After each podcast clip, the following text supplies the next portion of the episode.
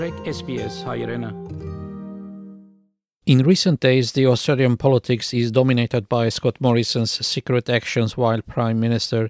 To get his views on these and other topics in current Australian politics, I'm joined by Dr. Zareh Ghazarian, Senior Lecturer in Politics and International Relations at Monash University. Dr. Zareh, welcome to SBS Armenian. Thanks so much, Vahe, for having me. Since last week, the Australian political scene is dominated by former Prime Minister holding a series of ministries. How it all unfolded, and does it warrant all the attention it's getting?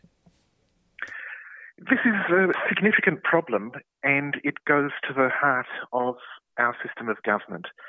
To remind ourselves, Vahe, it's important to remember that in the Australian system of government, there is the idea of ministerial responsibility, in that individual ministers are responsible for portfolios and areas um, that are given to them by the Prime Minister. So there is the Health Minister who's responsible for health and so on. What we saw over the last week are the revelations that the Prime Minister had also installed himself to be a, a minister where there already was a minister in place. And this goes to the heart of responsibility and how the Australian system of politics and government functions. So, in that sense, this is problematic. It was done during the COVID pandemic, especially during the start of the COVID pandemic, and that seems to be um, one of the points that the former Prime Minister is making, saying that this was something that was forced. Um, it had to be done because it was uncertain times. Nevertheless, the decisions that were made by then by himself um, will have long lasting impacts on Australian government and on Australian politics. Um, and they, once again, remind us of how fragile the political system can be when individuals um, seek to do things that they are not really expected to do. Uh, the Prime Minister will release the legal advice today. What can we expect? Uh, this is an interesting point. Um, the Australian system of government is based partly on the written constitution, but also at the same time there are unwritten rules known as conventions, which are customs and traditions that underpin how the system works in practice it could be the case that the Prime Minister may not have technically broken any laws, and this is to be revealed, of course, um, and legal experts um, will be um, able to shed light on this. But certainly there is this sense that the Prime Minister may have broken conventions, the traditions, the customs that are important for the system's uh, practice.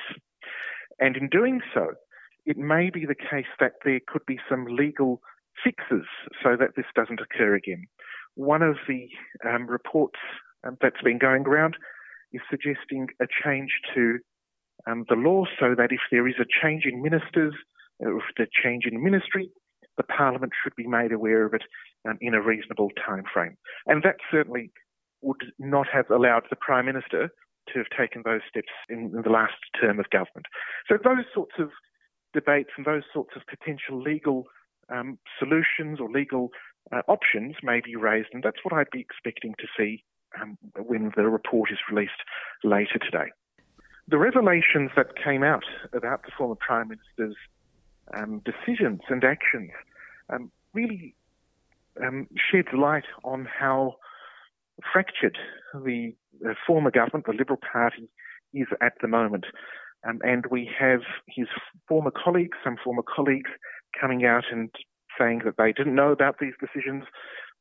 Some have been a bit more supportive, while, while others have called for the former Prime Minister to essentially uh, consider his position and potentially resign from Parliament.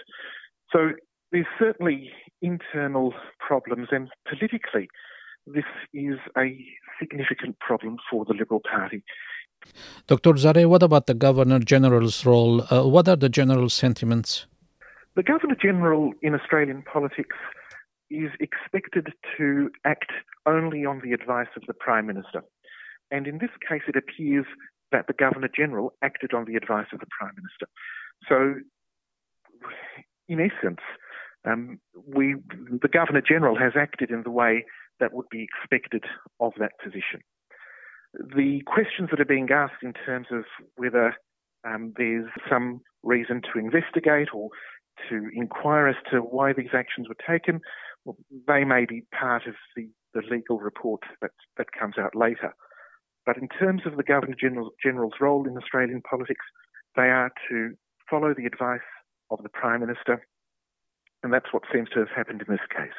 Returning to Victorian politics, uh, has the electoral campaign um, started or it's too early? There's about 100 days until the Victorian state election, which is held, of course, uh, later in November this year. And things, certainly in terms of the election campaign, are really, um, really building momentum. We now have um, the Labor Party, led by Daniel Andrews, going for its third term in government. And on the other side, we have the coalition, um, in particular the Liberal Party leader, Matthew Guy, um, trying to um, stop Labor from uh, being returned um, and leading the coalition to victory. Over the last few weeks, we've seen um, some internal problems within the Liberal Party leader's office come out, and that seems to have derailed and distracted the opposition. But over the last few days, the opposition has started to make some sustained comments and, and build momentum around its policy platform concerning healthcare in the state. And that, I think, signals that the campaign in Victoria has started and it's only going to get more prominent from here. And uh, what are the early assessments? Any clear winner? At the moment, the opposition um, is certainly going to face a, a, very difficult time in trying to win this election in Victoria. At the last election, Labor won 55 out of the 88 seats in the Victorian Parliament, and the opposition now must win back not only marginal seats that it lost to Labor, but also some seats that it has traditionally held, um, such as the inner urban seat of Hawthorn. So it's going to be a very tough ask for the coalition to bounce back after such a heavy defeat in 2018. But of course, it can happen. Um, opinion polls that we've seen over recent times suggest that this is an election that Labor is expected to win and probably win comfortably. Um, one poll was suggesting that there may be even a growing gap between opposition and government in terms of popularity. So we'd expect the polls to narrow, but at this stage, it looks like Labor's election to lose. Dr. Zareh, thank you for the interview and the updates. We appreciate your thoughts. Thanks so much for having me, Ray. Our guest was Dr. Zareh Ghazarian, senior lecturer in politics and international relations at Monash University.